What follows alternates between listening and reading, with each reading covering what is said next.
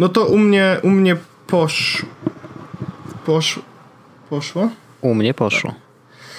Witam Cię Wojtku serdecznie w odcinku numer 262. 262. Pięknie. 262, bardzo ładnie. Januleusz jakiś... E, to jest e, palindronimiczny odcinek, Wojtek.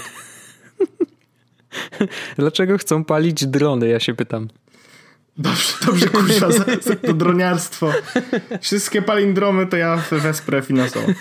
E, Wojtku, witam cię serdecznie. Mm, Jest dzisiaj e, poniedziałek, 1 kwietnia. E, może jakiś żart na początek. Wojtek, e, mam na sobie spodnie. Haha, to nie jest żart. Mam na sobie spodnie.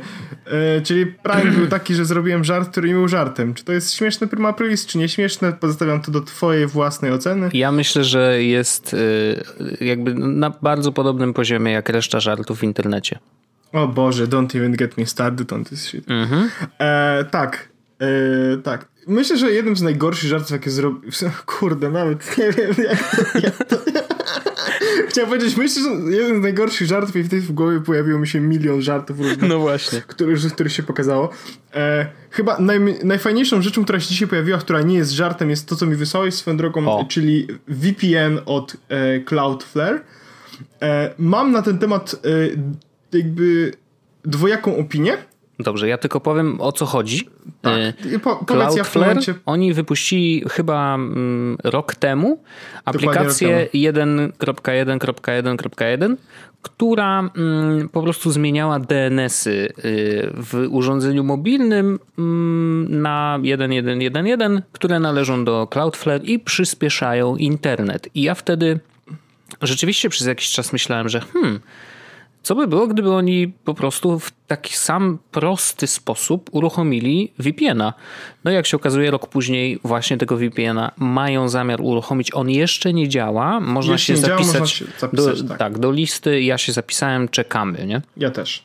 E, I teraz ja poczytałem o tym VPN-ie. Mhm. E, jakby od momentu, w którym dostałem od ciebie tego linka, żeby być troszeczkę bardziej poinformowaną osobą niż, e, Niż ja. jesteśmy w kontekście takich rzeczy, które się pojawiają bardzo szybko. Wojtek, ja chciałem powiedzieć, jakby przede wszystkim e, bardzo fajnie podeszli do kwestii reklamy i marketingu tego e, WARP, bo tak to się nazywa. Warp, no. Warp. E, warp. E, ale em, nazywają to VPN-em dla osób, które nie wiedzą, co to jest VPN. Założenie ma być takie, No. że e, nie możesz sprzedać VPN-a mówiąc, słuchaj, to jest takie coś, co sprawi, że będziesz bezpieczniejszy, ale twój internet będzie działał wolniej Mhm. i będziesz miał słabszą baterię w telefonie. Po prostu to, to nie jest dobry sales speech. I oni wychodzą z innego założenia, że w- uruchom sobie ten e, Warp i będziesz miał internet szybszy. A do tego będziesz bezpieczniejszy.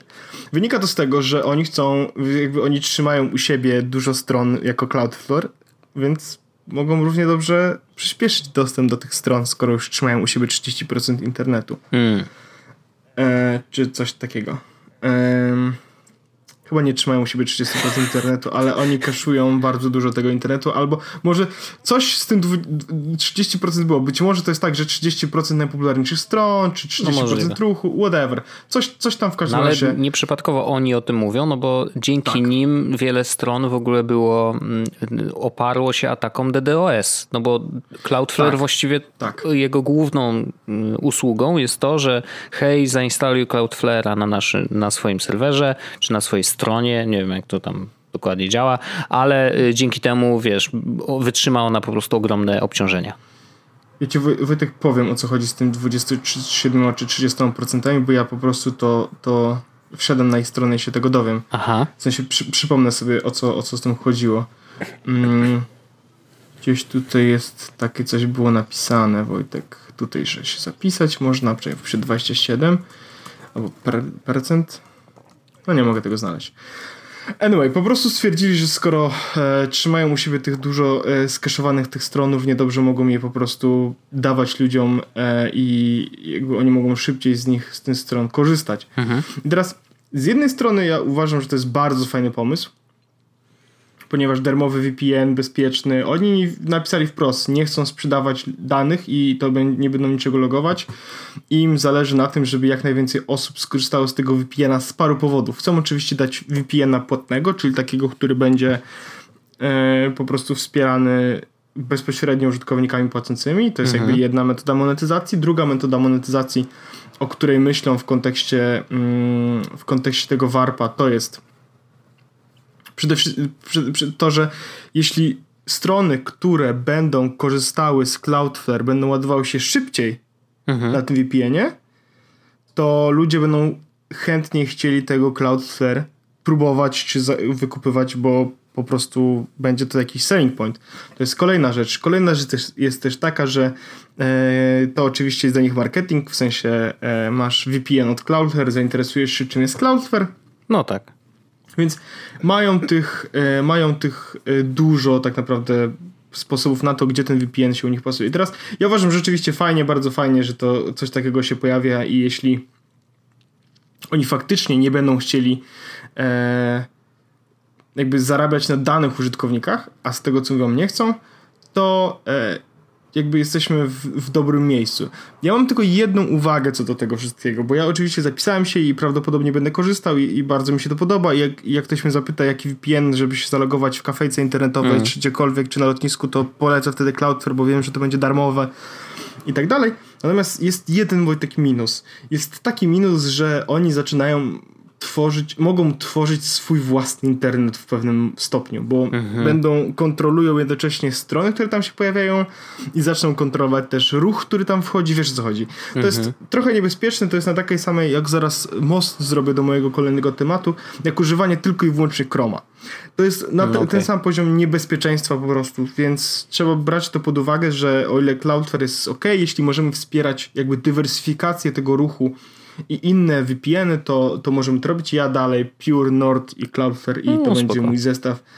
Szczególnie, że z Norda korzystam już teraz praktycznie i jestem najbardziej zadowolonym człowiekiem. Znaczy, Więc... mnie, e, mnie wiesz, co będzie cię cieszyć, jak to wejdzie i będzie faktycznie działać i faktycznie zgodnie z obietnicami będzie bezpieczne, nie będzie handlować danymi użytkowników, to yy, ta łatwość w polecaniu VPN-a, bo jeżeli tak. ktoś mnie zapyta, no dobra, VPN jest ważny, bla, bla, bla, no dobra, ale z czego korzystać, wiesz, i trudno mi jest zawsze no teraz, mówić, no dobra, NordVPN, no, no ale on kosztuje, no to... I on kosztuje dużo, bo to jest no też problem, polega mało. na tym, że, że, jak chcesz kupić Nord, to najlepiej się opłaca go kupić na 3 lata, gdzie on kosztuje wtedy e, 300 e, dolarów. No to wiesz, dla osoby, która jakby dla której w ogóle myślenie o swojej prywatności i o, no bo wiesz, VPN oczywiście możesz używać też do tego, żeby, nie wiem, dostawać się do treści zablokowanych geolokalizacją, ale e, no jeżeli mówimy o tej stronie typowo e, prywatnościowej, złe słowo, ale no to wtedy wiesz, no bardzo trudno kogoś przekonać, że ej, zapłać 300, będziesz bardziej ukryty w internecie. No dobra, ale po co? Nie? Ukryty przed czym? Dokładnie. A, no. a w takim, w takim y, układzie, że hej, łączysz się do otwartego do, do otwartej sieci Wi-Fi w jakiejś kafejce, nawet nie wiesz, czy łączysz się do y, Wi-Fi tej kafejki, czy przypadkiem ktoś nie siedzi i nie ma tam tego Pineapple, coś tam, coś tam, y, swojego routera, który rozsiewa dużo mocniejszą sieć i przykrywa tamtą w ogóle praktycznie całościowo i on śledzi już twój każdy ruch w internecie, no to jeżeli włączysz sobie VPN-a, no to on też nie będzie nic widział, nie? Jakby VPN, jakby dobrą metodą na to, jak wytłumaczyć działanie VPN-a jest chyba też to, że mm, jak e, jesteś w internecie na sieci Wi-Fi, to jeśli nie ufasz danej sieci Wi-Fi, za, dobrze jest założyć, że ktoś może zobaczyć, co oglądasz. W sensie każdy. Mhm. To nie, nie, nie jest tak to jest bardzo mocne nadużycie, bo no wiadomo, no. się po. Ale pewnych uproszczeń trzeba Ale użyć, żeby coś za, wiesz, załóż, Załóżmy, dobrze. że użyjemy takiego uproszczenia, że jeśli używasz, jeśli jesteś w jakiejś sieci Wi-Fi, to każda osoba będąca w tej sieci Wi-Fi, mająca odpowiednie umiejętności techniczne, może dowiedzieć się, co w tej sieci robisz. Znaczy, że jesteś na Facebooku, że jesteś na Reddicie, mm. że jesteś na Forczanie, że oglądasz Twittera. Cokolwiek. Forczan Załóż, na pewno.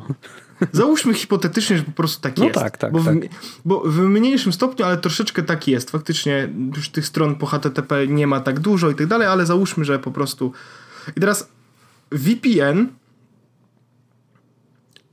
VPN jest e, takim e, czymś, co sprawi, że jedyną rzecz, którą wszystkie osoby w tej sieci, jeśli będą chciały, sprawdzą, to jest to, że podłączyłeś się do serwera A.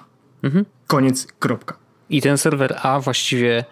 I ten serwer A tak mówi, naprawdę nie? nic nie mówi. On jedynie mówi, że podłączyłeś się do Korzysta serwera z internetu, nie? Koniec. Mhm. Nikt nie wie, czy jesteś na Facebooku, na internecie, jakim na Forczanie, na, na Twitterze, czy przeglądasz cokolwiek, czy oferty pracy. To jest jakby, jeśli, jeśli przeglądasz oferty pracy siedząc w biurze w swoim pracy, to wejdź przez VPN-a po to, żeby nikt nie wiedział, że przeglądasz oferty pracy. To mhm. jest, jakby używamy bardzo dużo, e, bardzo dużo e, uproszczeń, ale one nie są aż tak bardzo dalekie od prawdy, jak można by się tego spodziewać, że po nas będą. Mhm.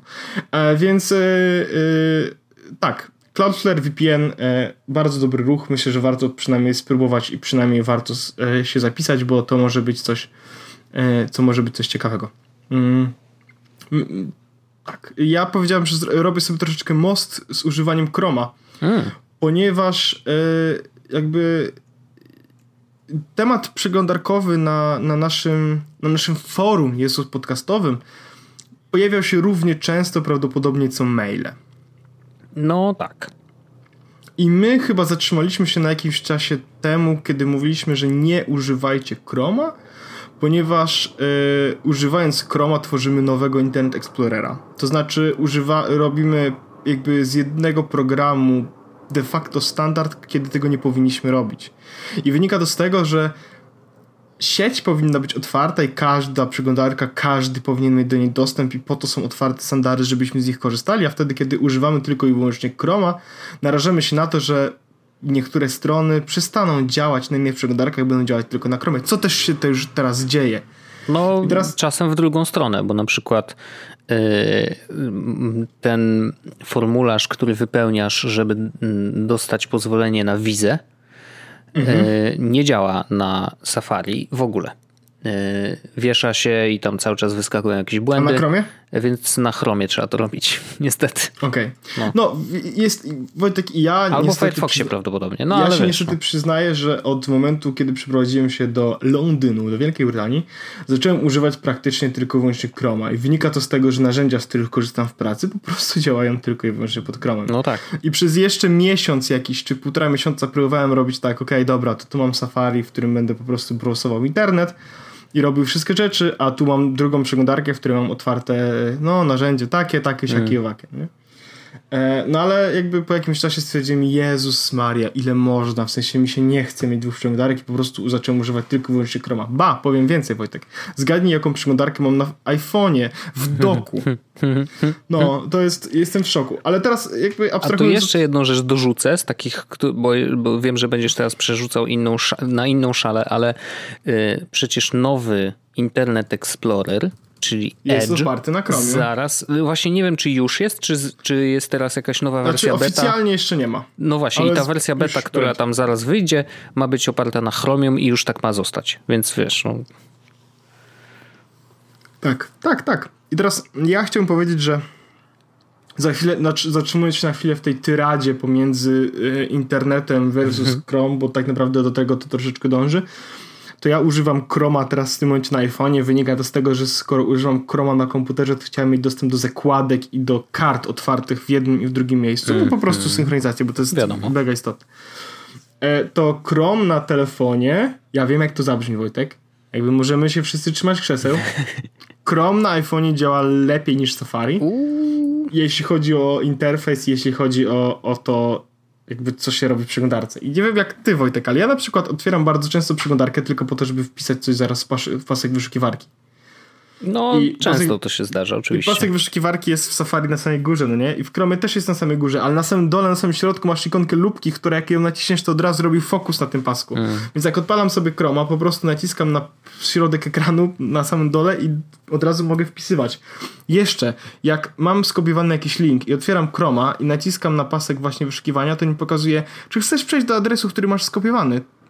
Oj, to, już w Safari działa. W sensie Yy, tylko trzeba przytrzymać dłużej. No nie, a tutaj nie, po prostu dotykam okay. pola z adresem i od razu wie, aha, masz skopiowany adres okay. e, strony internetowej, nie chcesz na niego przejść przypadkiem? Mhm. E, więc to, do tego jak e, to akurat działa też Safari, chociaż e, ich tam chyba nawet działa troszeczkę lepiej, ale nigdy się nie przyzwyczaiłem do tego, żeby z tego korzystać. Mam czasami dużo zakładek w Chromie, mhm. w sensie w przeglądarce.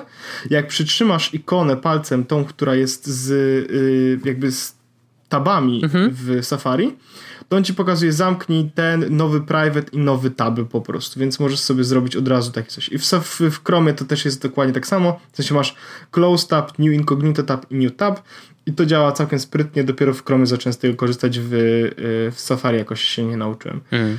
E, No, więc, e, więc po prostu się przerzuciłem, bo, bo korzystam, bo wszystkie rzeczy, które, z których korzystam, działają tylko i wyłącznie na Chromie, co jest częścią problemu, o którym mówię, ale. Ale. Od rozwaga. Żeby nie było, że przychodzę tylko narzekać, jak to niektórzy, którzy dają mi unfollow na Twitterze. Żartuję. E, chociażby ten. E, nieważne. Przychodzę z rozwiązaniami. Bo mówi się, nie mów mi, jakie są problemy, mnie z rozwiązaniami, tak? To jest Jezu, w ogóle jedną z głupszych, z głupszych rzeczy. To jest najgorsza rzecz, jaką możesz powiedzieć. że chodzisz do pracy. Nie, ale Wojtek, nie, mnie tak nikt nie mówi, bo jeśli musisz zgłaszać ludziom, że masz, mają przychodzić z rozwiązaniami, a bez problemami, to znaczy, że umykają ci bardzo dużo problemów. I być może ktoś inny w biurze potrafi rozwiązać, a ta osoba nie i przez to masz nierozwiązany problem, więc to jest głupie zarządzanie. Nieważne. Mm. Jest taka przeglądarka, która jest oparta na Chromium, czyli na tym samym co Chrome, ale jest zdegoglifikowizowana. To nie było słowo prawidłowe chyba. Ja wszystko Em. rozumiem, więc mów dalej. Tak. em, ma wbudowanego adblocka, ma wbudowanego HTTPS Everywhere, ma wbudowany fingerprint e, block, żeby ci nikt nie sfingerprintował, żeby, czyli żeby nikt nie mógł nawet, bo, bo możesz zablokować reklamy i e, żeby ciasteczek ci nie zidentyfikowali, ale można zrobić fingerprinting, czyli okej, mimo tego, że to nie jest, nie wiemy 100% że to jest ta osoba, to wygląda na to, że to jest ta osoba, ponieważ ma taką samą lokalizację, taki sam e, rozmiar przy okna, taki sam coś tam, coś tam. Dobra, więc y, ma to zablokowane. Ma wbudowanego Tora, jeśli chcesz. Więc możesz otworzyć e, jak Command Shift N otwiera ci incognito tab, to Command, nie, Alt Command N chyba otwiera ci Tor tab, więc masz Tora od razu w środku Jesus. I jest Chromem de facto odrobinę, to znaczy wspiera wszystkie chromowe addony. Wszystkie extension. Więc jeśli chcesz mieć Keepę, jeśli chcesz mieć Ubloka, OneTab, czy Mailvelop, czy cokolwiek, jakie są dodatki, z których korzystać, no to one wszystkie po prostu się normalnie instalują w Brave. Bo tak nazywa się ta przeglądarka. Nazywa się Brave. Odważny. Brave, tak, dokładnie. Brave jest dostępna na Androida, na iPhone'a, na yy, komputery wszelkiej maści. Wygląda jak, jak Chrome, działa jak Chrome, jest szybszy, ma wzbudowanego właśnie tego adblocka. E, naprawdę działa bardzo dobrze, bardzo sprawnie i ja, e, ja się przerzucam na Brave'a, a przynajmniej będę chciał to zrobić. Natomiast mam pewien problem, który jakby próbuję z nimi rozwiązać, bo e, oni do, jeszcze do wczoraj nie było możliwości synchronizowania zakładek między jednym a drugim urządzeniem. O, no to duży minus. Był duży minus, ale wczoraj ta opcja się pojawiła. E, Nice. Znaczy ona była, w, była na Androidzie, była na telefonach, na, na komputerach, nie było jej na iPhone'ie. Pojawiła się, niestety coś tam nie, nie bangla i nie chce mi się synchronizować, w sensie bardzo długo się ładuje w jednym i w drugim miejscu. No ale przez to, że raz na jakiś czas się pojawiają te zakładki synchronizowane, ale to jakoś i pokazuje mi, że nie jest z niczym synchronizowane, wiesz, jest jakieś jeszcze tam nie do końca to chyba sprawnie działa. Ale sam Brave y, można korzystać mm, i na telefonie, i na komputerze, działa całkiem nieźle. Nie ma aż tak dobrego UX-u na, na telefonie jak, na, jak ma Chrome, czy jak ma kol- jakakolwiek inna przeglądarka. No może tak źle to nie jest. Ale jest troszeczkę gorzej niż normalnie. Ale mimo wszystko masz świadomość, że korzystać z aplikacji, która od razu blokuje ci wszystkie y, trackery, e, third party cookies i tak dalej, tak dalej. Więc Brave jest dobrą alternatywą do tego w tym świecie, który jest oparty tak naprawdę na Chromium, żeby nie korzystać z Chroma i nie dawać e, resztek e, jakby swojego życia e, Google'owi A z, wy, z wydajnością jest też dobrze, bo wiesz, no Tak. Chrome też słynie, Jak Chrome, walczył z jak tym, Chrome. ale... Jest, jest bardzo jak Chrome, A, bardzo, okej. bo ona jest bardzo jak Chrome, więc jeśli ma, jeśli Chrome zjadał ci dużo ramu, to Brave prawdopodobnie będzie miał trochę podobnie, może Okej. będzie mniej, bo mimo wszystko on blokuje bardzo dużo rzeczy, więc wiesz, nie wszystkie reklamy się pojawiają i tak dalej, tak dalej, więc mimo wszystko on też ci pokazuje nawet ile sekund zaoszczędziłeś e, ile sekund zaoszczędziłeś ładując strony internetowej bez ładowania e, reklam, które na tej stronie są. Okej, no to ciekawe. więc to jest taka alternatywa, którą chciałbym bardzo serdecznie polecić wszystkim naszym słuchaczom i ich rodzinom i tak dalej. I mam do tego Wojtek jeszcze jeden krótki temat, bo mamy niedługo jakby ten odcinek jest odcinkiem specjalnym. E, odcinkiem. Ja Jak w ogóle każdy. Też, podoba mi się odcinek palindrolimiczny. tak. Nie wiem, czy już takiego nie było tytułu, ale okej. Okay.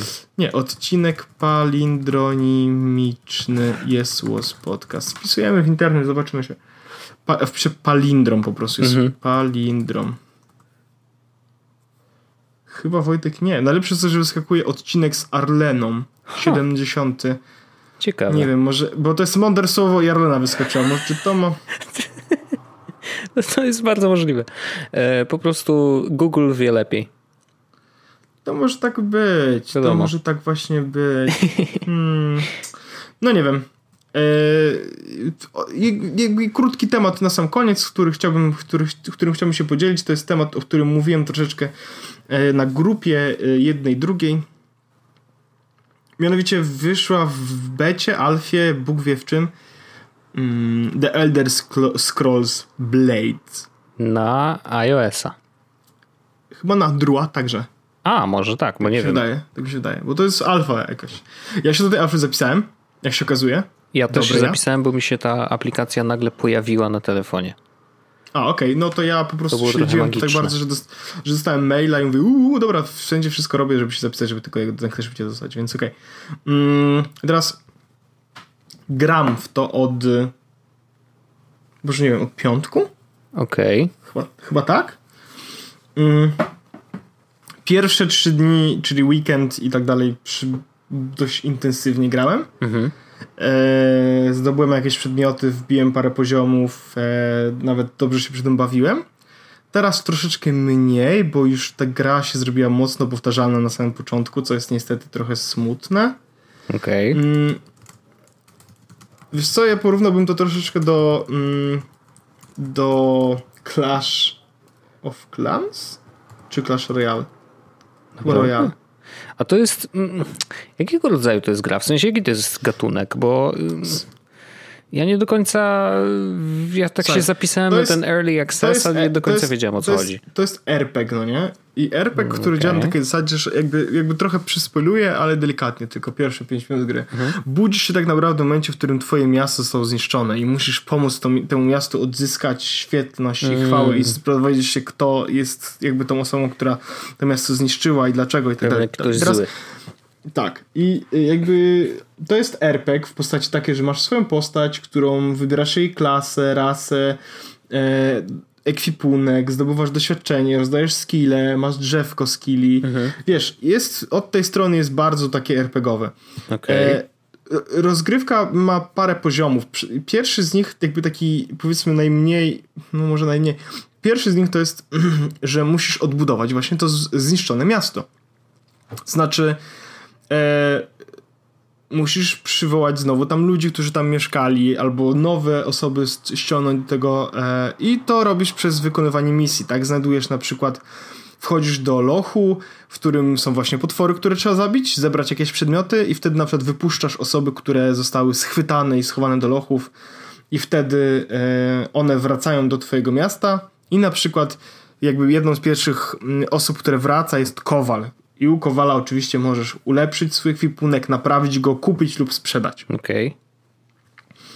Więc pierwszą minigierką powiedzmy zbudowanie, odbudowanie właśnie twojego miasta, tak? I im więcej osób tam się pojawia, tym więcej też misji możesz zebrać i tak dalej.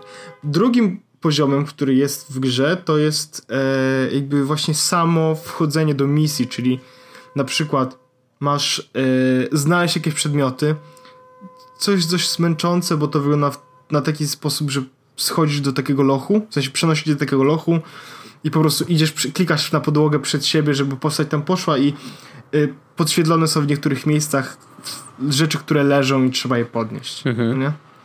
E, są oczywiście potwory, których, z którymi zwykle trzeba, ale czasami nie trzeba walczyć, to znaczy jakby walka jest zaczynana w momencie, w którym przekroczysz jakiś dystans, więc jeśli uda ci się ominąć e, danego potwora, to nie musisz z nim walczyć, ale warto z nim walczyć, ponieważ wypada z nich złoto i dostajesz za nie doświadczenie. Okay.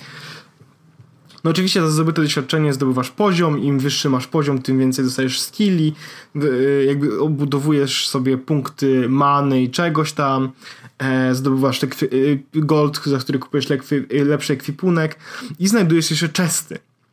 E, za wykonywanie misji są chesty, za, możesz znaleźć chesty, możesz też się kupić za e, wirtualną walutę, którą kupujesz oczywiście za prawdziwą walutę.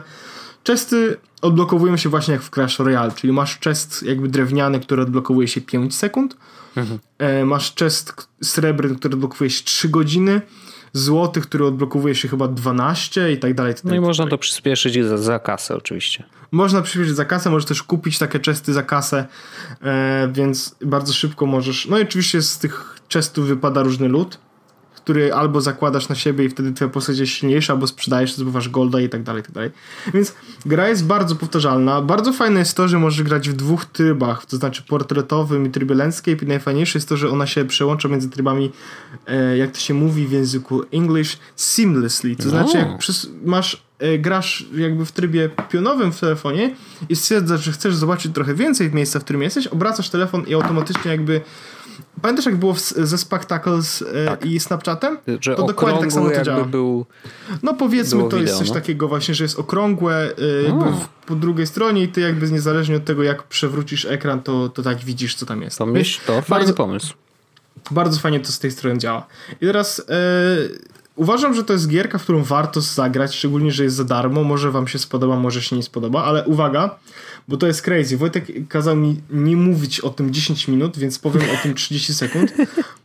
Bardziej, lepiej się bawię grając w Chat Warsy okay. niż, niż gra mi się w Elder Scrolls, mimo tego, że Elder Scrolls to jest franczyza taka, a nie inna, Bethesda i tak dalej. Chociaż Paweł Opydo napisał, ja napisałem, że to jest całkiem przyjemna gra, mhm. całkiem dobra gra. Napisał, że albo dobra, albo Bethesda. E, więc, więc może coś w tym było, a ja w Chat Warsach natomiast już wiesz, 20 poziom, już straciłem bardzo dużo czasu na to. Już, już, już naprawdę codziennie wysyłam milion wiadomości po to, żeby atakować coś tam, coś tam. No. Wiesz, ja się, I ta gra mi się, okazuje się, że mi się spodobało, ja nie czytam już tych opisów, tak jak mówiliśmy i tak dalej. Ale podoba mi się sam mechanizm, nie? Ja sobie bardzo chętnie na przykład, wiesz, o mam 50 golda, jeszcze 70 golda i zdobędę jakby skrzynkę golda, którą mogę zamienić na jedną sakiewkę i zbieram na to, żeby móc założyć gildię słosową w Chatwarsach, no nie?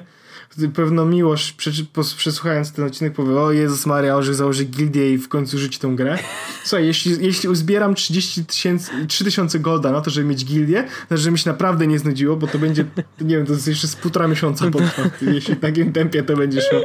No Więc tak. wtedy już będę na pewno prosem i w ogóle sprzedam moje konto w Chatwarsach za dużo pieniędzy na i będę pewno. bogaty. I to jest, będzie metoda na to, żeby żyć. Więc Wojtek, tak to Wojtek wygląda, że Elder Scrolls, Scrolls Blades wyszło e, w Alfie. Myślę, że warto spróbować. Mnie aż tak mocno nie wciągnęło, jak myślałem, że mnie wciągnie, co jest trochę smutne. Bardziej mnie wciągnęło e, Dragon Ball, w których gram codziennie od tych paru mm. lat, o których to powiedziałem, tak. Więc e, nawet ostatnio zgubiłem przez przypadek konto i e, przyjaciele, najlepsi przyjaciele, bracia powiedziałbym, z Bandai Namco oddali mi moje konto, więc... No to miło, to miło. Ja, jeżeli chodzi o gierki, to też w 30 sekund powiem, nadal gram w Brawl Stars i tam mamy cały czas gildię i ja cały czas jestem najlepszy w tej gildii, nie chcę nic mówić. Co prawda jakby nie komunikujemy się ze sobą w ogóle, nawet ostatnio ktoś napisał hej, a ja trzy dni później odpisałem tu się gra, a nie gada. I tam dwie osoby odeszły, ale jakby wiesz jak jest. Ale gram. Faktycznie to, to... sprawia mi przyjemność e, sama ta gierka cały czas. Jakby jest fun enough. To jest taka, wiesz, gierka kiblowa idealna. Ja się, ja się nie mogłem przekonać. Spoko. Natomiast yy, naprawdę prawie, że codziennie wieczorami gram w Apex Legends na PS4. I tutaj muszę powiedzieć, że to jest, no, to jest mocny narkotyk. Tak tylko powiem. Eee, domyślam się. Mm. E, ja jakoś się nie wczułem, nie mogłem u siebie zrobić tego nawyku, bo ja nie mogłem zrobić u siebie tego nawyku, żeby otwierać tę grę codziennie na przykład, nie? Jest taka gra Matchington, która jest jak Candy Crush Wojtek, tylko że ma dwa poziomy, to znaczy pierwszy to jest Candy Crush oczywiście, a drugi to jest taki, że za zdobyte mm, gwiazdki y, możesz odnowić swoją willę. Czyli masz jakby dwa poziomy gry, wiesz, zdobywasz gwiazdki po to, żeby móc mieć ładną willę i to jest jak Wojtek jak Candy Crush i powiem ci, że y, g- gram to dość intensywnie. Jezu. E, I mm, gardzę sobą odrobinkę. No nie dziwię się. Mam, ale mam też takie flashbacki, w sensie e, z czasów, kiedy to było z 6 lat temu. Mhm. 6 lat temu jechaliśmy na wakacje Tak. i na, tak. i na tych wakacjach e, e, to była sytuacja, ja mogę chyba to powiedzieć, Możesz. znana youtuberka zobaczyła, że inni ludzie tej samej narodowości co ona grają w tę grę i ją usunęła. Ale tak było. Tak było. Ona powiedziała, że nie będzie. Tak było. I usunęła wtedy, usunęła wtedy grę. Tak było, ale ja też E, I cóż, usunąłem.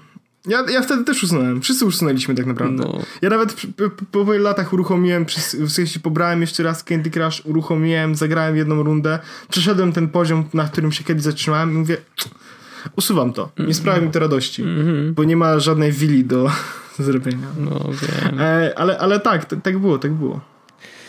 Yy, powiem tak. Mm, to i tak nie jest tak źle, bo w Candy Crushu jednak masz jakąkolwiek, mm, jakikolwiek element z, nie chcę mówić zagadki, ale wiesz, jakieś tam układanki, nie? W sensie, że jednak coś tam robisz.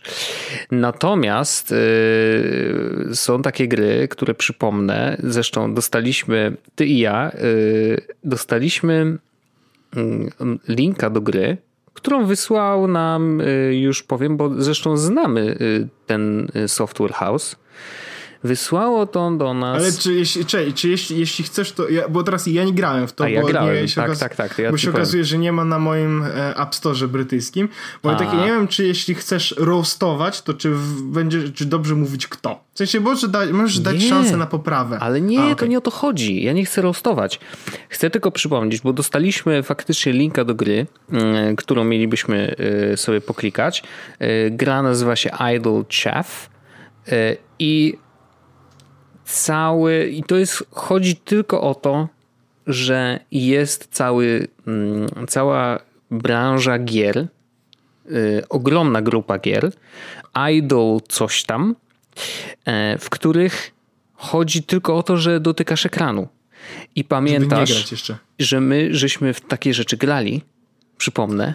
Wojtek, czy to nie było Tap Titans 2? Oczywiście, że tak. Więc jakby my jesteśmy tak samo ubrudzeni tym, jak wszyscy. Nie, nie, nie, ale oczywiście ja się I czuję teraz- brudny Wojtek od, od wielu, wielu lat. Więc o to mówię. jest, jakby to jest, Więc kwestia absolutnie Idle bez... Chef tak. po prostu należy do tej właśnie kategorii, w której niewiele się dzieje de facto i jedyne co się dzieje to to, że musisz dotykać ekranu. Ewentualnie wiesz, przyspieszasz zdobywanie czy pod, Klasyk, po, po, mnożysz jakby wiesz yy, Klasyk. do, Jest też- zdobywanie tych monetek za dotykanie i tak dalej, i tak dalej. I yy, gra jest naprawdę ładnie zrobiona. W sensie graficznym, yy, bardzo fajnie copywritersko, jest tam dużo śmiesznych tekstów, dobrze napisanych, e, ale to nadal jest, wiesz, kliker, nie? Więc Jest, jakby... taka, jest, ta, jest taka jakaś, y, była nawet z pieniędzmi, ostatnio gra, też idle taka clicker, y, Venture coś tam, Może, no. Nawet nie wiem, bo Venture Tego bardzo dużo Game. bardzo dużo Tak, powstaje. Ad, Adventure Capitalist. Mhm. A, no to nawet nie Tak, ja, ja Wojtek, ja to, ja, ja to nawet grałem w to na komputerze przez chwilę, odpaliłem, wyszedłem z domu, wróciłem i miałem dużo pieniędzy. Ale to jest tak bardzo useless, że, że aż... Ale ja rozumiem, jakby rozumiem to i to jest dobry kliker. Chociaż jeśli ktoś chciałby grać w klikera, to bardziej chyba polecam Clips AI, to się nazywało? Jezu. Ale to jest na kompa czy na telefonie? Poczekaj, poczekaj. Y, clicker Clips AI. Paperclips. Decision Problem Paperclips. Mm, To jest, jest i na telefon, i na komputer. Na telefon jest chyba płatne. Okej. Natomiast ja już podlinkuję to do tego. To jest, jeśli nie grałeś Wojtek, to to zajmie ci Bo to jest gra, którą się ukańcza. Aha, okej, okay. czyli to nie jest nieskończona po prostu. Nie, ten, nie. okay. I ona, ona zajmie ci około dwóch godzin. O! I y, może więcej niż dwóch godzin, to zależy ile czasu na to poświęcisz. E, e, jeśli nie grałeś, to nic ci nie zdradzam i uważam, że powinien zagrać. Ale już, już, już jestem i już widzę, co się dzieje. Już rozumiem. Ale to rzeczywiście tego linka musisz zapiąć koniecznie Ale do e, czemu, opisu. jesteś i, i widzisz, co się dzieje? Znaczy, no widzę, co robię, no. Tak, tak, tak, ale to jest jakby jak jeśli jak spędzisz nad tym wieczór, Aha. to e, twój mózg trochę wybuchnie. To jest po A, prostu nic więcej okay. nie powiem, bo to jest naprawdę, bo uważam, że w to warto zagrać. E, Baw się Wojtek oczywiście ceną za klipsa i tak dalej. No tak, tak, właśnie widzę, że tu jest... Rozbudo no. rozbudo rozbudowuj wszystkie te rzeczy. Myślę, że warto, warto w tym, warto się w to zabawić i, i sobie w to zagrać. Ja grałem w to wielokrotnie I, i, i jeśli chodzi o klikery, to myślę, że to jest najlepszy kliker, jaki istnieje. I, no okay. Bo to jest klik kliker, który ma przesłanie w końcu. E... Okej. Okay. Ale wracając, Idle Chef, mówię, naprawdę fajnie zrobiony, jest ładna grafika, jest mechanika ja dobrze zrobiona. czy coś rostować, czy nie, bo ja nie grałem w to, nawet nie widziałem tego, nie, bo jak no chcę tylko to odpalić, chodzi. to jedyne co widzę, to krzyczy yy, nie ma w twoim sklepie. no niestety. Natomiast to nadal jest tylko kliker i chodziło mi o to, chcę, chcę o tym powiedzieć ze względu na to, że to trochę tak jak mam poczucie, kopiowanie... mam poczucie, że na klikery moda już minęła po prostu. Znaczy może to być bardzo mylne i może być tak, że ta kategoria w ogóle, wiesz, w sklepach y, iOS-owych czy tam kurde w Google Słuchaj, Play może się okazać, że te gry są turbo popularne, myślę, tylko ja o tym nie są, wiem, nie? Myślę, że Wojtek są, bo to jest coś, coś na takiej zasadzie, że mm, pierwsza gra ma na przykład miliard pobrań, no nie? No. I wszystkie gry w pierwszej setce mają 10 milionów. Wiesz co chodzi? W sensie, że to są mhm. dużo, mimo tego, że to jest, że wygląda na to, że to jest martwa rzecz, to ludzie to pobierają po prostu i ciężko. Ale jest też jakaś, a jest, jest taka polska gra w ogóle Quispy, kojarzysz? To jest Nie. kopia e, HQ tri Trivia? A, Taka ale czekaj, HQ Polacy. tego tego, co tak, możesz brać tak. udział w quizach i odpowiadasz na pytania i dostajesz pieniądze? Dokładnie, y, tak. I, I, dokładnie jest zrobiona polska kopia. No co ty? I wygrywa się, wygrywa się złotówki, tak. Hmm, to, to, to, nie wiedziałem, że takie zrobili. Aha. Jest, y, ludzie grają w to. Y, nie wiem, to w ogóle bardzo dawno się... To zrobili w ogóle ludzie, których znam. O, no proszę. No, no to, to, to miło, to miło. Jest pan, który ma wąsa w, na, na tym. A, no na, to myślę, że nie, nie jestem przypadkowo. Nie, myślę, że nie, bo ten wąs nie jedną y, turą trząsł, jak to się mówi. tak. U, tak. Bardzo, bardzo ładne. E, no, ale jeżeli ktoś chce faktycznie y, zagrać w Idle Chef i zobaczyć, jak ta gra wygląda, no to y, absolutnie wysyłamy linka w, tutaj w opisie. Niech ludzie dostaną. Natomiast mówię, to nadal jest tylko clicker. Bo, jeżeli jeśli mam być, kategoria jest popularna. W tego Chefa, ale jeśli chcecie no. zagrać jakąś grę, to zagrajcie na pewno w Paperclips. W Paperclips jak najbardziej, natomiast jeżeli chcecie Chefa, to oczywiście też. Mm, natomiast mówię, dla mnie ta kategoria już przeminęła, w, w takim sensie, że jeżeli rzeczywiście nie ma tam takiego twistu, jaki Orzech mi właśnie podesłał, to, to myślę, że mm, też trochę ze względu na to zrezygnowałem z chatwarsów. W takim sensie, że miałem poczucie, że to jest dla mnie clicker, nie? Że jakby wiem, mhm. że tam gdzieś kiedyś y, za jakiś czas uda się rozwinąć i, i wejść w ten świat głębiej, mieć dużo więcej możliwości, bla, bla, bla, ale y, świadomość tego, że ja po prostu wchodzę, klikam trzy razy w dokładnie te same miejsca wręcz ekranu, bo do, wiesz, już miałem mięśniową tak, no, pamięć, nie? Jakby, żeby, żeby wybierać Quest opcji. Woli, Quest Forest i Quest Forest, Quest Forest i tak aż się skończy stamina. No, więc y, wiedząc, że tak jest, po prostu czułem, że dobra, to jest jednak automatyzacja, nie? Jakby ja nie chcę, to, to mnie nie bawi, zwyczajnie. I, i dlatego nie, no zrezygnowałem. Jasne, Ja Wojtek w ogóle będę miał, będę, będę testował niedługo usługę nową, e, ciekawą, w której w podcaście się podzielę, bo będę testował Citymapper Passa, czyli zobaczymy jak działa Mobility as a Service. Dobrze. Czyli będę płacił subskrypcję telefonem, żeby móc korzystać z metra w Londynie. To taka ciekawostka. Dobrze. I zdecydowałem się na razie nie kupować słuchawek. W ogóle. W ogóle. Okej. Okay. Nie wiem, czy nie poczekam na kolejną generację, taką, która może mieć sens. Szczególnie, że AirPower. Nie wiem, czy widziałeś. A, jest tylko jeden dobry dzisiaj mm, e, April Fool's Prank. Okej. Okay. E, znasz taką firmę Dibrand? Y, to oni robią opa te gumofilce dla telefonów, nie? Grałem dokładnie gumofilce telefonu. No. Wojtek, oni dzisiaj zrobili gumofilce na AirPower. W sensie powiedzieli, że to, że Apple to anulowało, to nie jest powód, żeby tego nie wypuścić. Okej. Okay. No dobra. To to wygrało. nice. To muszę Więc, powiedzieć, że nice, nice. Musisz mi linka jest... wysłać, muszę to zobaczyć. Już ci wysyłam Wojtek. Oni napisali po prostu oficjalnie na swoim Twitterze, że, y, czy tam, y, chyba nawet na tym, napisali, że kiedy Apple z, z, skancelowało AirPower, byliśmy zdewastowani, a nie dlatego, że e, obchodzi nas wirelessly overheating multiple devices at once, mm-hmm. a dlatego, że to było e, za dużo pieniędzy, których nikt nie wyda na AirPower skins.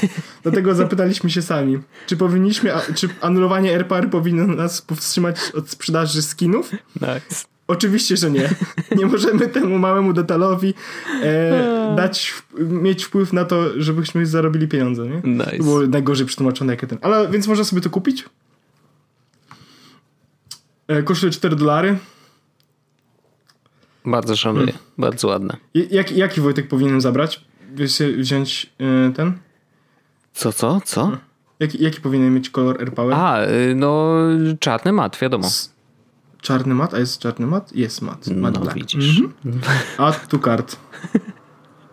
Doskonale. E, w, jeszcze teraz sobie kupię e, a ile kosztuje grip? Aha, grip kosztuje na iPhone'a bardzo dużo pieniędzy, prawda? To było, to było mega drogie. Grip iPhone X. Ale grip taki, że Jezu, można robić grip. zdjęcia, czy co? Nie, grip taki, żeby telefon ci nie ten, nie, nie, nie, żeby jak spadnie nawet to, żeby mu nic się nie stało. A, okay. Jest też Prism, czyli ta y, naklejka na ekran, którą możesz walić młotem i się nie rozwali. Hmm? Kosztuje 30 dolarów jedno i drugie, ale ja sobie kupię skina do iPhone'a X. Okej. Okay. I od razu kupię też ten. Yy, oczywiście, no koniecznie, na AirPower musisz mieć. No, właśnie. E, bardzo A i w ogóle jest MKB Edition, MKB Edition w końcu. Mogę sobie kupić po prostu coś takiego. A, ciekawe. No, więc, więc tak to się, e, tak to Wojtek wygląda. Ja więcej tematów, e, więcej tematów MKBHD. Jest coś takiego? Jest, M, nie ma. E, MKBHD The Brand. No oni coś tam kombinowali razem, pamiętam. E, Orzechu, bardzo się cieszę, e, ja za, się cieszę na to nagranie. Bardzo, się, bardzo było miło. Natomiast mamy jeszcze, to nie jest koniec e, podcastu. To nie jest koniec. To nie jest koniec. Jest więcej podcastów w podcaście? Jest więcej podcastów w podcaście, ponieważ miałem okazję, e, bardzo miłą zresztą, pogadać z Marcinem Tchórzewskim, który jest szefem wszystkich szefów w szkole programowania Coders Lab. I pogadaliśmy sobie o tej szkole, o tym, jak on widzi przyszłość technologii, że tak za, zajawię. Myślę, że to była naprawdę fajna rozmowa, więc warto jej posłuchać. Jest po polsku, więc nie martwcie się, wszystko zrozumiecie. E, no i tyle. Zostawiam Was ze mną i z Marcinem, e, a słyszymy się oczywiście już za tydzień. Także ja to, także dziękuję bardzo i zapraszam serdecznie do tej rozmowy. Wojtku, tobie, tobie dziękuję bardzo i my słyszymy się już za tydzień właśnie w kolejnym odcinku Jezus Podcastu. Pozdrawiam. Pozdrawiam i Dziękuję. Ja. Pa. I teraz y, przełączamy się na te drugie audio. Tak jest. Cyk. Cyk. Cyk. Marcinie, jesteś wspaniałym gościem Jesus Podcastu. Kolejnym zresztą, ponieważ tych gości trochę u nas już było, ale dawno nie było gościa, więc cieszę się, że zechciałeś z nami pogadać. Z nami, a raczej bardzo ze mną. dziękuję za zaproszenie. Tak, raczej ze mną, bo Orzecha dzisiaj z nami nie ma, ponieważ on jeszcze siedzi w robocie. Ale to nic nie szkodzi, możemy spokojnie pogadać. Możemy nawet obrobić mu tyłek, jakbyś chciał To długi poniedziałek ma w takim razie. No, bardzo długi.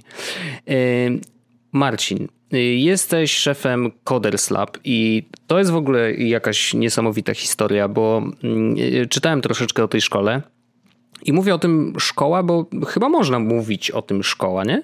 My tak sami o sobie mówimy. To jest na pewno nowoczesna edukacja. Rzadko dobrze ludziom się to kojarzy, ale to jest nowoczesna edukacja zawodowa. To jest właściwie szkoła, trochę jak szkoła języków obcych, która uczy nie angielskiego, niemieckiego, ale języków programowania.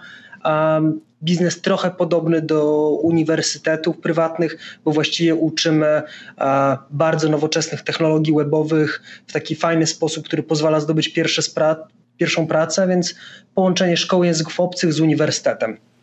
Okej. Okay. Y, czyli co, rozumiem, że każdy może się faktycznie nauczyć programowania? Tak samo jak każdy może nauczyć się mówić po angielsku. Nie każdy może pracować jako anglista, jako tłumacz, mhm. ale dobrze znać angielski, to tylko e, tak naprawdę szczere chęci, dużo pracy, praktyki. No i oczywiście nie każdy może być zawodowym programistą, bo wymaga to pewnej skrupulatności. E, to są osoby, które lubią pracować z komputerem i, i muszą mieć szereg cech, które sprawdzą się w pracy programisty, natomiast nauczyć się programować, że ci pomagały w marketingu, żeby zrobić bardzo prosty skrypt dla siebie jako analityk, żeby zrobić bardzo prostą stronę www, no to wierzę, że każdy jest w stanie się nauczyć. Hmm. Zawsze mnie zastanawiało, bo e, nie wiem czy wiesz, ale był taki okres, że e, byłem bezrobotny zupełnie, w sensie nie miałem co robić w życiu i nawet zastanawiałem się przez chwilę, czy może, może bym się wreszcie wziął za kodowanie, ale powiem ci, że kiedyś próbowałem się nauczyć chyba Java czy, czy mhm. jakiegoś innego języka. No, nie wystarczyło mi cierpliwości. W takim sensie, że Chyba mm, ja akurat korzystałem z takiego online'owego kursu i tam było tak, że w którymś momencie trafiałem na taki bardzo trudny mm, moment, że do pewnego momentu było to wszystko bardzo proste, ale później kolejne zadania były już tak skomplikowane, y, że po prostu wzrost, wiesz, trudności był chyba zbyt szybki, nie wiem. Y, I, natomiast u was rozumiem, że oczywiście są prawdziwi ludzie i nauczyciele, których można o różne rzeczy zapytać, nie? Tak, to znaczy ja szczerze bardzo lubię edukację online, taką fully online, tylko ty, tutoriale, zadania, natomiast lubię ją na wyższym poziomie zaawansowania. Jak już znam jakiś temat i chcemy się dokształcić, dospecjalizować. Natomiast na tym podstawowym etapie zawsze wierzę, że kontakt z drugim człowiekiem jest potrzebny, żeby zrozumieć takie nieoczywiste koncepty. No i w języku, w językach programowania ten początkowy etap wchodzenia jest właśnie skomplikowany przez to, że są zupełnie inne koncepty, sposób myślenia, zapisywania. Pewnie każdy kolejny język, nawet nie pewnie, każdy kolejny język programowania już dość łatwo nauczyć, wyspecjalizować się w nim, ale tak samo jakbym zaczynał uczyć się chińskiego, japońskiego czy pierwszego języka obcego poza polskim, no to zawsze korzystałbym z pomocy żywego człowieka, który właśnie w momencie, w którym się zatnę, czegoś nie będę potrafił zrozumieć, to mi pomoże, ale tak samo mm, po prostu nauka z grupą powoduje, że mobilizujesz się, masz pewien rytm ustawiony, godziny, to, że sprawdza cię wykładowca, właściwie on patrzy na to, co robisz, podpowiada i nie pozwala ci się nauczyć ze złymi nawykami na samym początku. Mhm. Natomiast później rzeczywiście kursy online są bardzo wskazane. Okej. Okay. A y, kto w ogóle chodzi do was do szkoły? No bo jakby mówisz, że każdy mógł, może, nie? No to mhm. pytanie, czy faktycznie widzicie u siebie jakiś taki przegląd społeczeństwa? No bo ja sobie wyobrażam, wiesz, no ludzie, którzy chcą iść się uczyć programować, no to wiadomo, kuce, nie? Jakby no, okulary, duże denka, fedora na głowie, nie? Ale yy, ciekawy jestem, czy u was jest podobnie. Wiesz co, to jest bardzo częsty stereotyp, z którym my dość silnie walczymy, bo Coders Lab powstał jako pierwsza szkoła programowania w Polsce. W tym momencie jesteśmy szkołą IT, ponieważ oprócz programowania uczymy testowania, user experience i cały czas dokładamy takie nowoczesne zawody IT. Um, Zaczęliśmy w 2013 roku i do końca 2018 roku wykształciliśmy ponad, naszymi absolwentami zostało ponad 3300 osób. Więc to jest naprawdę rzesza ludzi. Mhm. A jako, że to jest e, szkoła, której celem jest nauczyć się takiego poziomu, żebyś znalazł pierwszą pracę w nowym zawodzie, no to właściwie uczymy tylko osób dorosłych. Zasada jest, że tam osoby powyżej 18 roku życia, ale tak naprawdę 80% kursantów to jest między 23 a 32 rokiem życia. No i oni dzielą się na dwie takie najbardziej liczne grupy. Są ludzie, którzy właśnie kończą licencjat lub magisterkę i mówią, kurczę, po moich studiach nie ma dobrej płacy, dobrej pracy, ta praca nie jest ciekawa intelektualnie lub ciekawa po prostu finansowo. No i traktują nas jako przedłużenie edukacji, ale właśnie w taki sposób bardziej e, praktyczny. Albo druga grupa to są osoby z kilkuletnim doświadczeniem zawodowym, które chcą się przebranżowić, żeby znaleźć właśnie pracę, która będzie bardziej skierowana pod nich. Będą robili coś, hmm. co lubią, ktoś będzie ich doceniał w firmie e, i będą zarabiać po prostu rozsądniejsze pieniądze.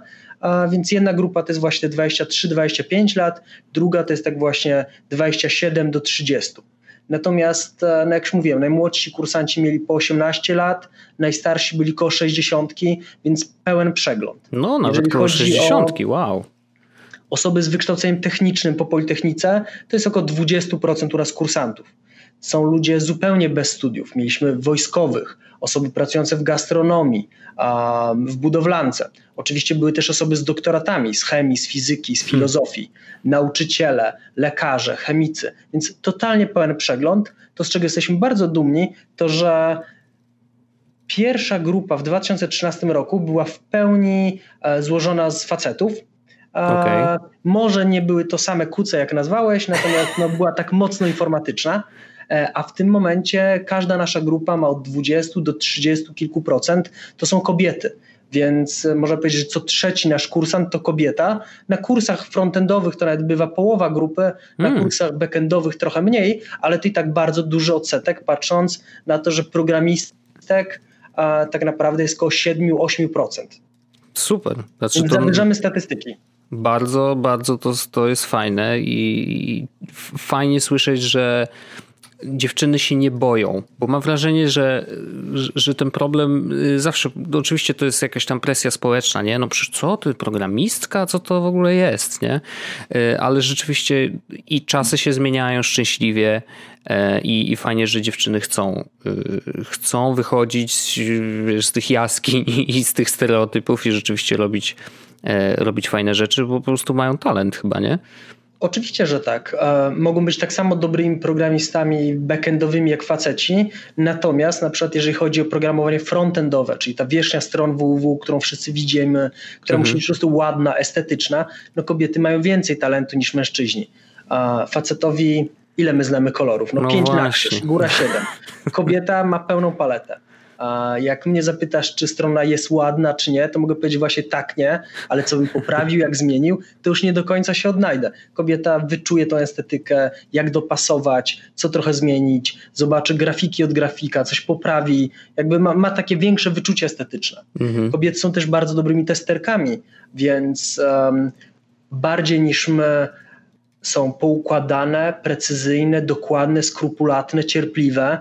Lepiej sobie radzą z zadaniami, gdzie masz konkretną instrukcję i musisz podążać krok po kroku. Mi bardzo często nie, nie starczyłoby cierpliwości i już bym zaraz gdzieś przeskakiwał, żeby pójść na skróty. No tak, to częste niestety. E, a sam programujesz w ogóle? Wiesz co, znam e, podstawę PHP-u, podstawę JavaScriptu, um, nauczyłem się takiego biernego czytania um, no właściwie kodu. Jakbym okay. miał coś napisać, to oczywiście wiem, gdzie sprawdzić, przypomnieć sobie składnie, odpowiednie funkcje i coś bym naskrobał, natomiast nie robię tego na co dzień, ponieważ no, zarządzam prawie 80-osobową firmą i po prostu uh, nie mogę się zajmować wszystkim.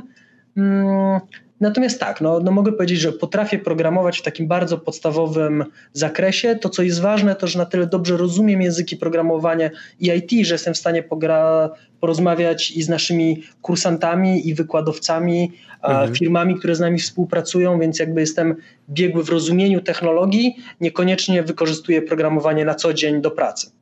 No to, bo zastanawia mnie, wiesz, jak, jak się znalazłeś w tym miejscu w ogóle, no bo jeżeli powiedzmy, że znasz podstawy, okej, okay, ale to wystarczy, żeby, wiesz, założyć szkołę programowania. No zakładam, że masz oczywiście, no tak jak mówiłeś, 80-osobowy zespół, e, no ale to od czego to się zaczęło właściwie? W 2013 zaczynałem ja, mój brat, ja jestem po SGH, więc wziąłem się od razu za części biznesowe, okay. marketing, finanse, taki pomysł na biznes. On jest programistą e, z Uniwersytetu, e, z Politechniki Warszawskiej, mhm. um, więc on początkowo tworzył nasze materiały dydaktyczne, sam uczył, e, potem uczył innych wykładowców, jest bardzo dobrym dydaktykiem i, i też nadzorował tworzenie naszego wewnętrznego software'u, więc myśmy połączyli takie dwie kompetencje, z których ja nie miałem wszystkich, żeby założyć biznes, on też, ale sumarycznie nam po prostu tego wystarczyło. Wtedy mieliśmy tak naprawdę pomysł na biznes, dużo naszej ciężkiej pracy, jakieś niewielkie oszczędności, więc zatrudniliśmy dwójkę studentów. Mhm. No i w tym momencie firma już jest większa, poukładana, stabilna, ale wtedy to było takie skak, skok na głęboką wodę. No tak. I dzisiaj macie dużego partnera, nie? Grupę Pracuj, właściwie Pracuj.pl, który wspiera nas organizacyjnie, e, ale też pomaga nam tak dopasować program kursu, tak łączy z firmami, żeby nasi absolwenci jak najszybciej znajdowali pracę zaraz po skończonym kursie. I co faktycznie tak jest, że y, jakby jeżeli kończą u was kurs y, absolwenci, to, to uderzają do pracuja, czy oni od razu mają jakieś oferty przygotowane specjalnie dla nich? Jak to działa? Um po pierwsze, to jest najważniejsze, że nasze kursy dają ci tą, te umiejętności, które są bardzo pożądane na rynku pracy. Mhm. Więc ty z tymi umiejętnościami bez problemu znajdujesz firmę, która chce cię zatrudnić. I oczywiście wybierasz sobie miasto, w którym mieszkasz, typ firm, w których chcesz pracować, bo ktoś może woleć mały software house, ktoś woli pójść do dużej korporacji, pracować w wielkiej strukturze. Um, różnią się języki programowania, ktoś chce popracować zdalnie, ktoś koniecznie na miejscu. Um, My staramy się przede wszystkim dać te umiejętności, które są potrzebne, które są podstawą, żeby znaleźć pracę. W drugiej kolejności tutaj właśnie z pomocą pracuj.pl robimy warsztaty jak e, dobrze sprzedać się na rozmowie rekrutacyjnej. Robimy e, ze specjalistami przeszkolonymi przez Pracuj.pl e, takie jeden na jeden sesje, gdzie robimy fikcyjną rozmowę rekrutacyjną, żeby komuś powiedzieć, co może zrobić lepiej, jak się dobrze zaprezentować, jakie rzeczy pytać. Mhm. Pomagamy poprawić profil na LinkedInie, GitHubie, swoje CV i jakby dajemy taki kompleks wiedzy odnośnie tego rynku w tym momencie tak naprawdę wierzymy, że najbardziej efektywnym sposobem jest jak każdy przegląda te ogłoszenia samemu i samemu aplikuje, ponieważ no, każdy ma swoje preferencje odnośnie miejsc, gdzie by chciał pracować dzielnic, w których by chciał pracować, typach firm. Na koniec dnia i tak zawsze musisz samemu tą rozmowę, czy to przez Skype'a, czy osobiście odbyć. Natomiast my kursantów jak najbardziej wspieramy. I mamy firmy, które rekrutują bezpośrednio u nas, zamawiają kurs dla całej grupy, wtedy mają pewność, że cała grupa po skończonym kursie przyjdzie do nich, więc taką pewność hmm. zatrudnienia dużej liczby programistów. No i wtedy jakby my jesteśmy tym pośrednikiem, ale większość naszych absolwentów po prostu z tą wiedzą z kursu oraz warsztatów e, zrobionych właśnie z pracuj.pl po kursie już samemu szuka pracy na rynku. Hmm, to ciekawe.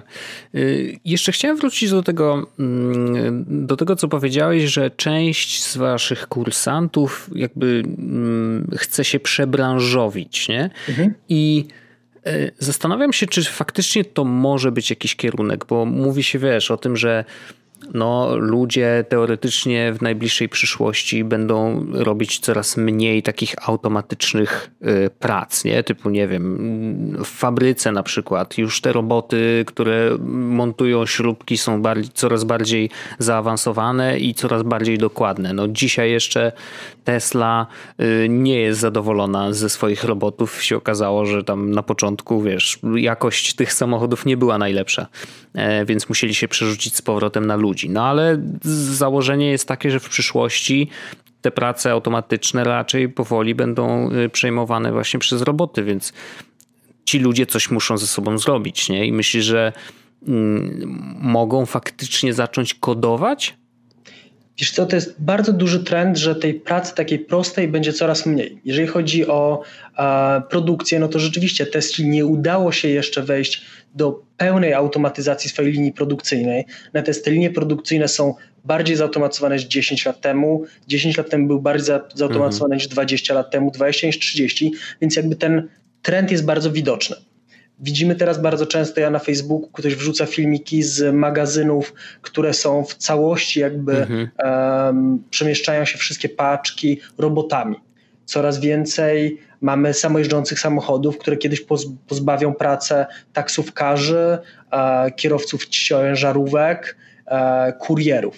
Um, więc jakby ta produkcja, drony, przemysł, nie? drony, ale tak samo w rolnictwie. W Stanach przecież gigantyczne um, farmy są, zatrudniają kilka osób na krzyż, bo każdy kombajn jest sterowany satelitą, nawadnianie specjalnym oprogramowaniem, więc to wygląda zupełnie inaczej w polskiej małej wsi, gdzie każdy ma rzeczywiście tylko kawałek, kilka hektarów pola. Mhm. Natomiast duże przedsiębiorstwa już zatrudniają dużo mniej osób. No i teraz ludzie w ogóle będą musieli się przebranżawiać. I ja wierzę, że rynek IT jest fajnym, ciekawym miejscem pracy, ponieważ on rośnie już od wielu lat i w perspektywie kolejnych 10 na pewno będzie bardzo mocno rósł. To nie jest tylko programowanie, to jest wiele zawodów w IT, natomiast tak jak nie wiem, w latach 90. te firmy FMCG tak zwane, mhm. czyli dobre, szybko zbywalne, bardzo szybko rosły.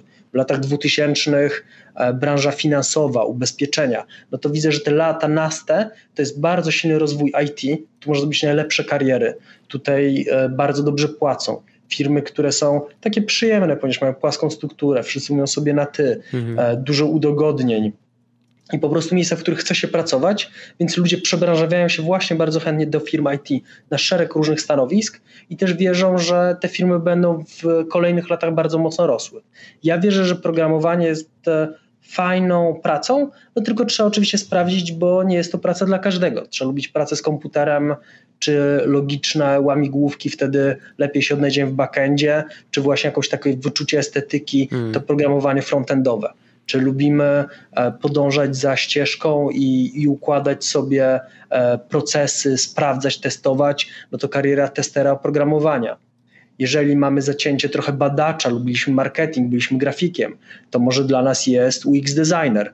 Tak więc tych zawodów jest naprawdę bardzo wiele.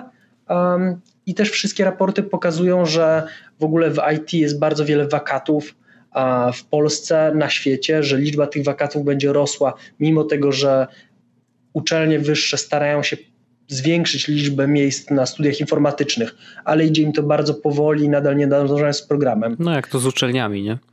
Tak, powstało sporo szkół programowania, natomiast ta luka cały czas jest gigantyczna i, i cały brakuje ludzi. Hmm. A mm, wiem, że to takie pytanie, wiesz, ludzie nie lubią takich pytań o przyszłość, ale myślisz, że długo będzie trwał ten super dynamiczny rozwój w ogóle całej branży IT?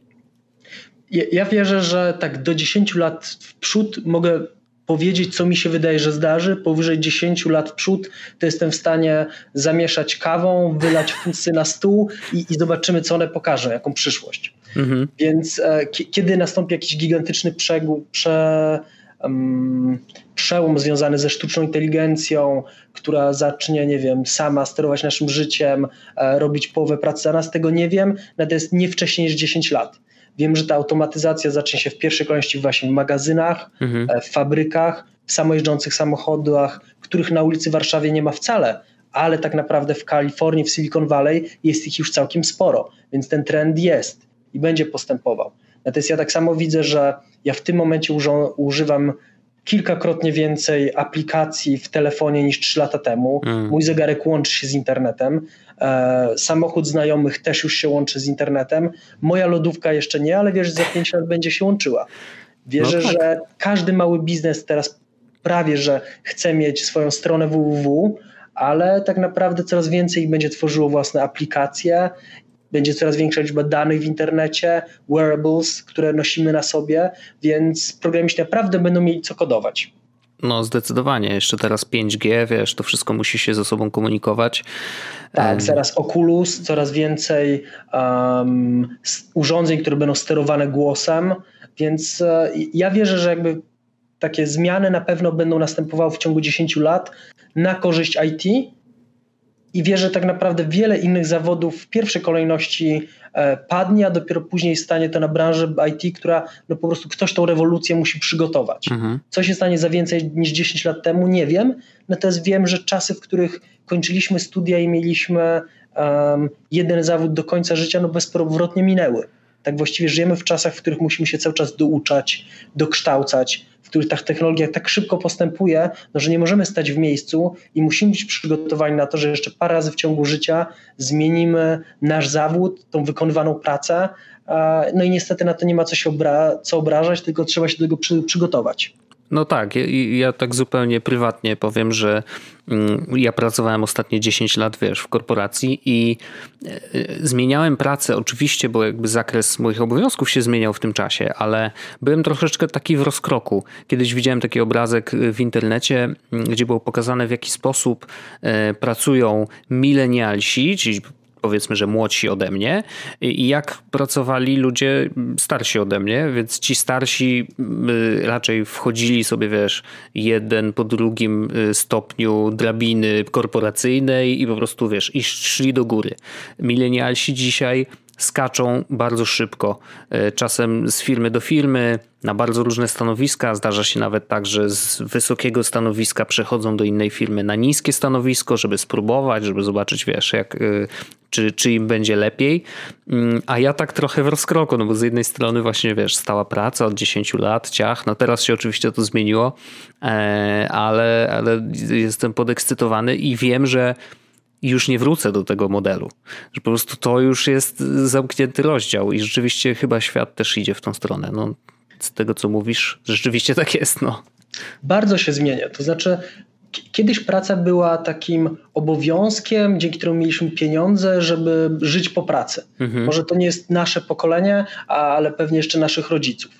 Teraz coraz bardziej praca, spędzamy w niej tak dużo czasu, tak bardzo się angażujemy, że chcemy pracować w firmie, której wierzymy, którą lubimy, nad projektami, z którymi się identyfikujemy, z kolegami z pracy, z którymi się po prostu lubimy i, i, i chcemy, żeby ta praca to była częścią nas, więc żeby była fajna.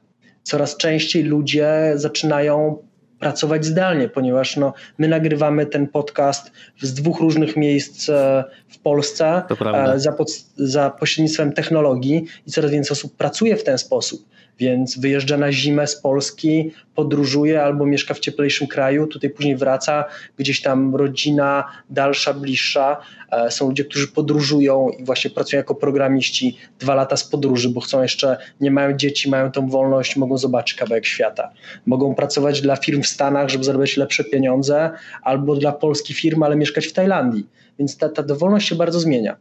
No, mam taki przykład. Tomek, y, nasz fan zresztą, e, też właśnie siedzi w Tajlandii, przyjeżdża raz na jakiś czas do Polski, żeby tutaj zrobić różne kursy, ale generalnie siedzi w Tajlandii przez 9 chyba miesięcy w roku e, mhm. i nie ma żadnego problemu. Tam jest ciepło, przyjemnie, fajna pogoda, wiesz. E, no a, a u nas, no my tutaj się mrozimy trochę.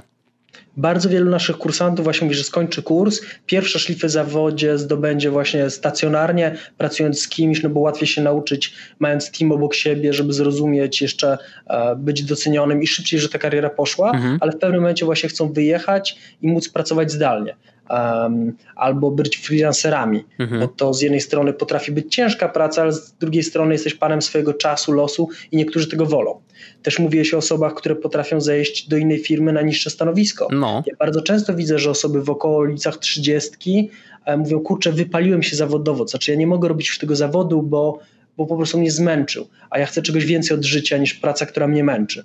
I przychodzą nasz kurs, rzeczywiście robią krok wstecz, jeżeli chodzi o zakres obowiązków i finansowo, ale przez to, że mają duże doświadczenie życiowe, że mają jakiś dobry warsztat pracowy, umiejętność samoorganizacji się, pracy ze stresem, nad priorytetami, to właściwie potem okazuje się, że oni muszą się tylko do, nauczyć lepiej programować, ale ten wiele lat doświadczenia zawodowego szybko im procentuje i szybko robią krok do przodu, mają podwyżkę co pół roku i właściwie w dwa lata wracają do tych samych zarobków albo je mocno przebijają e, i mówią, że ich kariera po prostu poszła do przodu, wolą swoją pracę.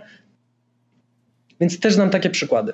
Super. Znaczy to bardzo, wiesz, to brzmi idealistycznie e, i wszystkim bym tak życzył, żeby mieli oczywiście taką historię właśnie. Mm, ale fajnie, że takie historie się zdarzają. W takim sensie, że wiesz, jakby mm, to dla was na pewno jest fajne. Jak słyszycie, że ktoś, kurczę, wreszcie czuje się szczęśliwy, nie? No bo ostatecznie chyba to o to chodzi. Wiesz co, to jest bardzo ważne. Myśmy na przykład misję, którą mam wewnętrznie firmową spisaną, tak pokrótce dali, rozbili na trzy punkty. No po pierwsze jest, że jesteśmy tą pierwszą i teraz największą szkołą IT w Polsce, ale chcemy nią zostać. Mhm. I, I jakby tworzymy taką firmę edukacyjną, która chcemy, żeby za 10 lat była uważana za jedną z najlepszych marek edukacyjnych w Polsce, czyli długofalowo. Drugim, jakby naszym taką celem z misji jest to, że chcemy, żeby nasi kursanci byli zadowoleni z tych kursów, polecali je dalej, żeby one zmieniały, pomagały zmienić im życie i żeby byli zadowoleni z swojej kariery po kursie. A trzecim jest właśnie, żeby ludzie, którzy tworzą Coders Lab, którzy pracują na rzecz Coders Labu, rozwijają go, e, byli zadowoleni z tej pracy, czyli tego samego, czego chcemy dla kursantów, żeśmy lubili naszą pracę, e, ludzi, z którymi pracujemy, żeśmy wychodzili ze sobą po pracy, spędzali czas i, i ja wierzę, że to jest właśnie jednym z ważnych elementów, że ludzie lubią pracować w Coders Labie, tworzyć Coders Lab właśnie dlatego, że widzą, że ten produkt jest dobry, uczciwy, potrzebny i że ludzie mają z niego bardzo dużą radość. Ja pamiętam, jeszcze pracowałem w korporacji e, i pomagałem robiłem takie badania, analizy i, i pomagałem dużej firmie sprzedawać e, słodki gazowany napój w ciemnym mm. kolorze. Okay. Ja w pewnym momencie myślałem, no kurczę, fajnie, że ta bardzo bogata i wielka firma jest jeszcze bogatsza i jeszcze większa, ale powiedzmy misji w tym wielkiej nie było, no bo mm. to właściwie była gazowana woda z cukrem. Smaczna, ja ją też czasem piję, ale misji w tym żadnej wielkiej nie było. No tak. No, zresztą nawet można by okusić się o to, że jednak to jest, wiesz, narkotyzowanie ludzi, nie? ostatecznie. E, na pewno tak i pewnie z piwem jest tak samo, a no. z jednego i drugiego w umiarkowanych ilościach w piątek wieczorem korzystam, więc nie, no pewnie to wszystko, nie ma co... wszystko jest dla ludzi w, w, odpowiednich ilościach. O to właśnie chodzi, a niestety wiesz, w Polsce i w ogóle na, znaczy na świecie jest jeszcze gorzej, ale, ale generalnie za dużo cukru jemy tak, wszyscy. Zdecydowanie. No, więc y, ja też fajna święta, historia. w czasie imprezy to wtedy można. Można, można w ograniczonym y, tym. Y, słuchaj, a to zejdźmy zupełnie na ziemię, bo żeśmy wypłynęli w ogóle na cały świat. Dwie rzeczy jeszcze. Jedna czy, myśl, czy wiesz, że są y, takie mm, szkoły za granicą? W sensie, że macie zagraniczną konkurencję? Bo tak sobie pomyślałem, że hej, no jeżeli to jest fajny produkt i, i, i fajne miejsce, to dlaczego nie, nie wyjść, wiesz, poza Polskę, nie? Wiesz co, pierwsze takie bootcampy programistyczne powstały w Stanach w 2012 roku. Mhm. Ja zawsze byłem mocno związany z edukacją, więc e, patrząc na to, co tam się dzieje, w 2013 otworzyłem taką firmę w Polsce. E, I oczywiście one są w bardzo wielu krajach na świecie, natomiast przez to, że Polska zaczęła tak szybko po Stanach, to Polska i Wielka Brytania są dwa najbardziej rozwinięte pod względem właśnie liczby szkół programowania, rynki w Europie. Więc jesteśmy w czołówce. Um, I w innych krajach są, ale one są mniej lub bardziej rozwinięte. Mhm. My jako Coders Lab otwieramy teraz Coders Lab Rumunia. Um, pierwsze kursy zaczną się właśnie w maju tego roku. Tutaj już ekipa z Rumunii była u nas na szkoleniach. Um, ich wykładowcy, osoby organizacyjne patrzyli jak my to robimy, uczestniczyli w naszych szkoleniach i, i teraz otwierają na swoim rynku. No i my mam nadzieję, że jako taka polska silna firma edukacyjna będziemy w kilku jeszcze krajach europejskich obecni, ale to nie jest tak, że tam w ogóle nie istnieją te kursy. Mhm. W Rumunii jest na przykład bardzo niewiele i myślę, że szybko będziemy numerem jeden. E, w innych krajach już na przykład potrafi być sporo. W, na Węgrzech jest całkiem sporo szkół programowania, w Czechach jest kilka, więc to wszystko zależy od kraju. Okej, okay. a to trzymam kciuki, bo we mnie zawsze y, wyzwala się patriotyzm, jak słyszę, że polskie firmy wychodzą, wiesz, poza granice i faktycznie znajdują swój biznes też za, za granicami Polski, więc trzymam kciuki na maksa. Dzięki wielkie. Na pewno się przyda. No, pewnie. Y, słuchaj, to teraz dopiero zejdziemy na, na ziemię, mm, bo y, zawsze w naszym podcaście, nie wiem czy słuchasz nas y, czy nie, ale zawsze staramy się zadawać to samo pytanie, bo to jest bardzo ważne. Android czy iOS? U mnie Android. Okej, okay. a Windows czy macOS? Windows. Wow, no to jesteś po tej drugiej stronie, bo u nas jest tak, że ja jestem zupełnie Apple'owy Mhm. E, Paweł jest e, taki, że skacze raz na jakiś czas w jedną i w drugą stronę, tak rzucić okiem, co tam się pozmieniało. Mhm. Ale często też mówimy o bezpieczeństwie i korzystając z tych sprzętów, ufasz? W sensie po prostu czujesz się bezpiecznie? Wiesz co, ja jestem wielkim zwolennikiem e, Google'a, więc e, wiem, okay. że, że ludzie też się dzielą, albo go lubią, albo bardzo nie. Ja bardzo lubię, więc całą firmę mam na przykład na e, aplikacjach googlowskich postawioną, mhm. więc wszyscy współdzielimy e, pliki na folderach googlowych, raczej nie używamy Worda, tylko wszystkich Google Docsów, żeby je bardzo łatwo współdzielić, mhm. żeby łatwo się je edytowało w kilka osób na raz co długo nie było wcale tak wygodnie rozwiązane przez Dropboxa, a teraz jest jakby, a w Google Docsach od początku było świetnie zorganizowane. To prawda. Um, I to jest tak, że ja czuję się bezpieczny, Natomiast my bardzo jakby mocno stawiamy na to, że wszyscy pracownicy, ja też w aplikacjach prywatnych, wszędzie mam system podwójnej autoryzacji. No oczywiście. Wszędzie się loguje mm. potwierdzenie SMS-em. Wszystkie hasła wygasają po 30 dniach i trzeba je jeszcze raz wprowadzać. A ostatnio bardzo czytałem często... badania, wiesz, że to wcale nie jest najlepszy pomysł. Mhm. Powiem ci dlaczego. Y, w dużych firmach, jeżeli y, pracownicy są zmuszani do zmiany hasła przez właśnie system, który gdzieś tam wygasa po 30 dniach. Niestety, ale sami pracownicy, yy, przez to, że muszą pamiętać, wiesz, jedno hasło na miesiąc, po prostu ustawiają je tak proste, mhm. żeby je zapamiętać, przez co wiesz, jakby y, sam system ogólny jest niestety łatwiejszy do, do zhakowania. Takie badania, wiesz, gdzieś słyszałem i nawet y, wiem, że w jednej firmie na przykład zmienili z miesięcznego wygasania na trzymiesięczne. To wiesz, zupełnie szczegół, ale tak mi się teraz przypomniało, nie? Hmm, wiesz co, to co mówisz wydaje się takie bardzo logiczne. Ja może źle powiedziałem, że hasła wygasają, mhm. to bardziej to, że logowanie poprzez e, maila w domenie gmailowej, jakby naszej firmowej, okay. E, na danym urządzeniu jest ważne tylko 30 dni, a później się musi raz jeszcze a, zalogować. Okej, okay, dobrze, to, to, tak, to zupełnie inaczej. Jak jasne. zmienisz telefon, laptopa, no żeby po prostu te hasła co jakiś czas sprawdzać, czy wszystkie Twoje komputery nadal są Twoje, Twoje telefony są Twoje, żeby przeglądać liczbę tych urządzeń, na których się zalogowałeś, dostawać powiadomienia. Mhm. Haseł nie wymuszamy zmiany. Ja też uważam, że lepiej mieć silne hasło i je dobrze pamiętać, niż często zmieniać, e, ale, ale dbamy o to. Super, super, to bardzo dobrze. Mm, a czy jest jakiś system, bo mm, wiesz, u was jest 80 osób, to jest już całkiem nie, dość duża firma, nie? Ale my często mhm. rozmawiamy o produktywności w ogóle mm, i rozmawialiśmy o tym, żeby, wiesz, ustalać sobie zadania, czy ja korzystam akurat z Thingsów, które są co prawda prywatne, no bo tylko dla jednej osoby, bo nie ma tam y, mhm. możliwości jakby szerowania tych zadań, ale czy wy macie jakiś y, system do, do zadań? Mm, nie wiem, jakoś Jira albo coś? Wiesz co, każdy dział poprowadza własne, więc to o. zależy od działu, no bo programiści oczywiście używają Jiry, ale nie tylko. Um, dział PM-ów ma swój jakiś taki bardziej rozbudowany system wybrany, są działy, które używają bardzo prostych, ja gdzieś swoją listę taką zadań bardzo kanbanową mam zrobioną dla siebie, której też na przykład nie współdzielę z innymi, mhm. więc powiedzmy, że to zawsze wynika ze specyfiki działu. Działy są kilku do kilkunastu osób, więc wewnętrznie te preferencje osób, jak one działają.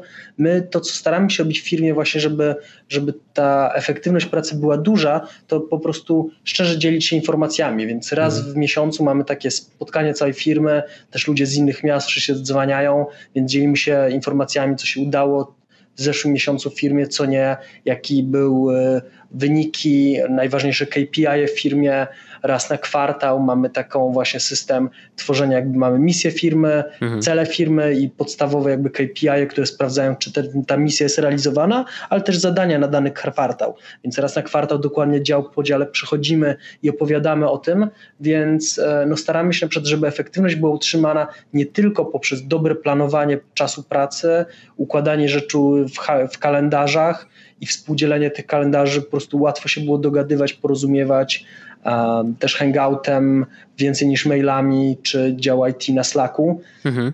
Ale to, co dla mnie jest bardzo ważne, a ludzie często o tym zapominają, że ważne jest, żeby ludzie wiedzieli, po co daną rzecz robią. jak mhm. ich praca wpływa na inny dział, jak ich praca wpływa na zadowolenie kursantów, na e, to, jak kursanci znajdują pracę, na jakby misję firmy. I wtedy, jak widzimy, że nasze zadania to nie są zadania, które dostaliśmy i mamy ich zrobić 5, 10, 15 w ciągu dnia, tylko właściwie jak one się układają i jak na przykład my coś zawalimy, że dwie inne osoby też mają trudniejszą pracę, mhm. a finalnie ten kursant będzie miał coś tam gorzej, to właściwie nasza praca jest, e, jesteśmy bardziej efektywni, bo wiemy po co to robimy. Okej, okay, ale to, to rozsyłasz ludziom newslettery, rozmawiacie z ludźmi, że hej, to wygląda Mamy tak, a nie inaczej? Raz w miesiącu takie całofirmowe spotkanie. Aha, i to raz na nim, na kwartał okay. takie bardzo duże.